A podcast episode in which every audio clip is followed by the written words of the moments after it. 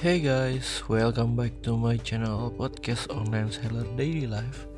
Masih bersama dengan gue Michael Kristiawan. Kali ini gue bakal ceritain jadi akhir bulan Agustus 2022 tuh gue kembali mengunjungi kota Solo. Kali ini gue mau cerita tentang sebuah kedai teh sederhana di tengah pasar gede. Namanya Titi Laras yang punya adalah Mas Arka.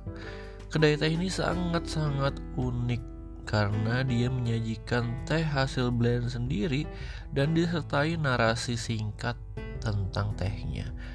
Pengen tahu kayak gimana sih kedai tehnya? Gue bakal ceritain di podcast episode ini. Jangan ke mana-mana, stay tune.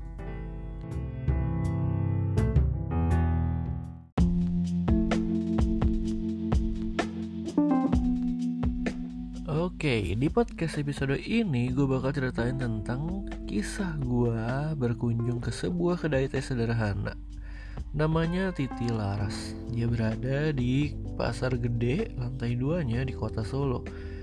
Nah, dia jam bukanya itu kalian bisa lihat di Instagramnya ya Titi Laras. Karena jam bukanya menyesuaikan dengan keadaan si Mas Arkanya ya. Jadi suka-suka dia jam buka jam berapa jadi gue harus selalu update ketika gue mau mengunjungi kedai teh itu. Dia juga bilang kalau jam segini dia akan istirahat makan siang dia akan istirahat makan malam. Semuanya diinfoin di sana. Karena ketika gue datang yang jaga itu cuman Mas Arka doang seorang. Jadi waktu itu malam-malam sih gue datang sekitar jam 7 malam gitu gue mampir letaknya di lantai dua ya pasar gede. Gue parkir di luar pasar gede terus naik tangga.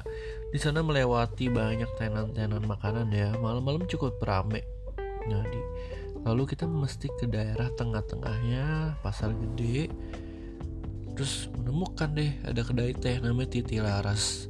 Letaknya tuh di pojokan gitu dia nyewa. Ada dua kotak dua los dia sewa Terus ada kursi-kursi bulat di sekeliling apa uh, jendela tokonya ya. Jadi ada 6 karena dia ada di pojokannya dia bisa dua, yang tengah bisa dua, bisa bisa empat ya. Nah terus dan ketika kita datang itu kita nggak dikasih menu, jadi mau nggak mau kan kita harus nanya nih.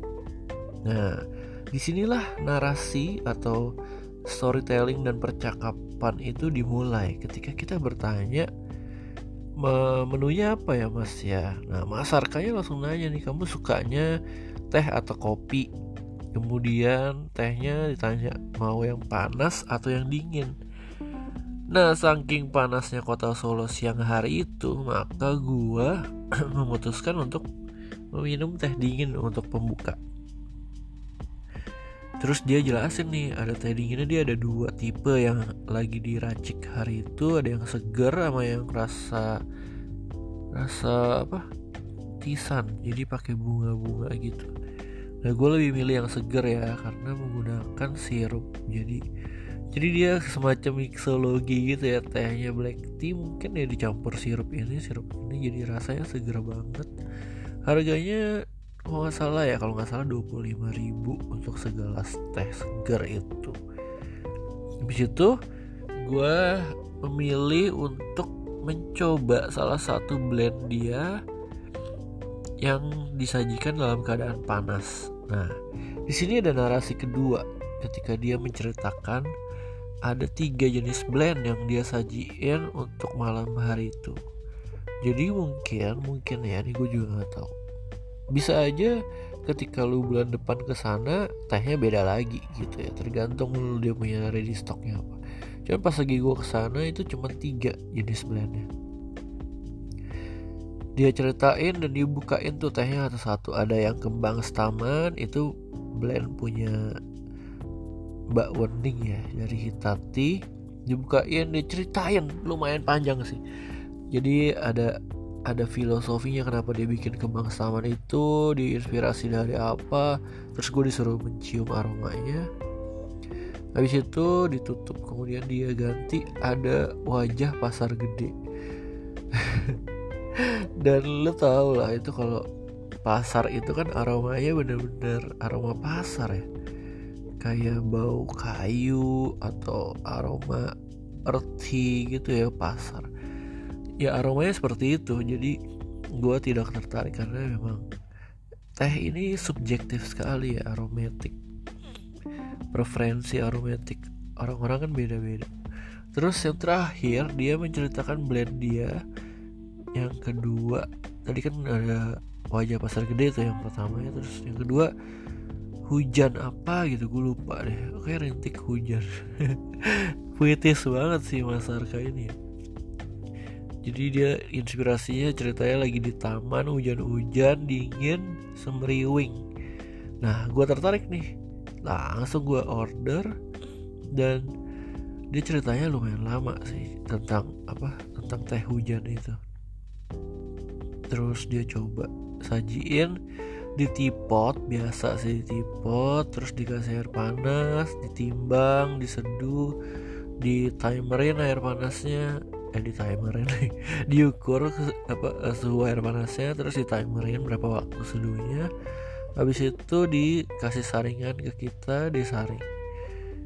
Lalu kita minum.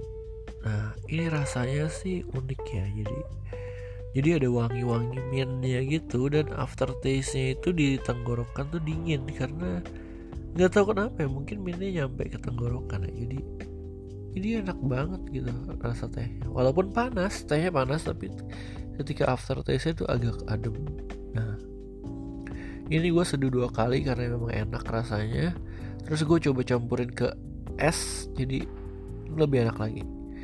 Nah, yang mau gue ceritain di sini adalah bagaimana cara Mas Arka ini mentreatment customernya satu-satu. Diajak ngobrol, diceritain tehnya satu-satu, semuanya diceritain. Filosofinya mau coba, terus habis itu ditanya gimana rasanya, apakah ada dinginnya atau apa? Ya. Diajak ngobrol bener-bener. Customer relationnya tuh baik banget ya. Terus ada yang baru datang lagi kemudian ya diajak ngobrol lagi ditanyain kayak gue nah kelemahannya bisnis seperti ini adalah ini tergantung sama si masarkanya. Kalau masarkanya nggak ada ya dia nggak bisa buka dan dia nggak dapat duit. Bener dong karena ya itu dia yang masih one man show menceritakan ke customer kok gue jadi malah membahas bisnis ya? Ya udahlah nggak apa-apa. Sekalian aja. Jadi keuntungannya bisnis ini sangat sangat unik artisan. Nah ini terjadi bisa rame sih bisa rame menurut gua. Karena karena di sebelahnya itu ada namanya The TFP Kopi Warung. Itu dua tahun yang lalu gue datang masih sepi. Di pasar gede juga lantai dua sisi luar. Ini ada chef ceritanya chefnya itu dari Bali atau dari UK dari UK kalau nggak dari Amerika apa? Dari Inggris dia belajar terus dia lagi pulang ke pasar di Solo terus dia masak di sana dia nyewa tempat dia masak. Waktu zaman gua datang tiga tahun yang lalu ya itu benar-benar masih sepi gue cobain makanannya enak semua. Good quality jadi pastanya enak uh, apa ya atau lagi tuh gue jadi lupa. Uh, meatball meatball juga enak bener-bener bener-bener kayak kita rasa Eropa lah mantep. Habis itu dia delegasiin itu ke staffnya. Sekarang jadi ramai banget gue gak ngerti lagi. Kemarin gue lewat tuh rame banget. Karena dia juga jualan kopi jualan makanannya juga enak harganya gak gitu mahal. Dan dan itu bisa di scale up. Nah menurut gue sih Titi Laras ini bisa banget nih untuk di scale up. Dengan narasi-narasinya. Dan dia punya konten tuh outstanding banget sih menurut gue ya. Karena teksnya ya lu lihat aja di Instagram Titi Laras tuh captionnya tuh bener-bener puitis semua. Ya tahu bisa dapat ide dari mana tuh teksnya. Memang orang-orang yang dikaruniai anugerah membuat kata-kata itu sangat hebat. Bisa gitu loh kata-katanya puitis banget. Bahkan dia bisa fotoin tentang pasar terus dikasih caption yang puitis. Fotoin tentang berjumpa dengan orang jadi dia ada kedatangan tamu gitu. Dia tulisnya tentang gini semesta yang mempertemukan kita. Waduh buitis banget kan? Nah storytelling ini yang unik banget terjadi di Titi Laras Solo. Buat kalian yang ke Solo kalian coba mampir ke Titi Laras kan karena memang experience-nya beda. Dia juga masuk ke acara tour de kota Solo salah satu destinasinya adalah Titi Laras. Buat kalian yang kota Solo ayo mampir ke Titi Laras. Jadi nanti gue akan ceritain ada beberapa kedai teh lain yang gue datangin oke sampai jumpa di podcast episode berikutnya. Bye bye have a nice day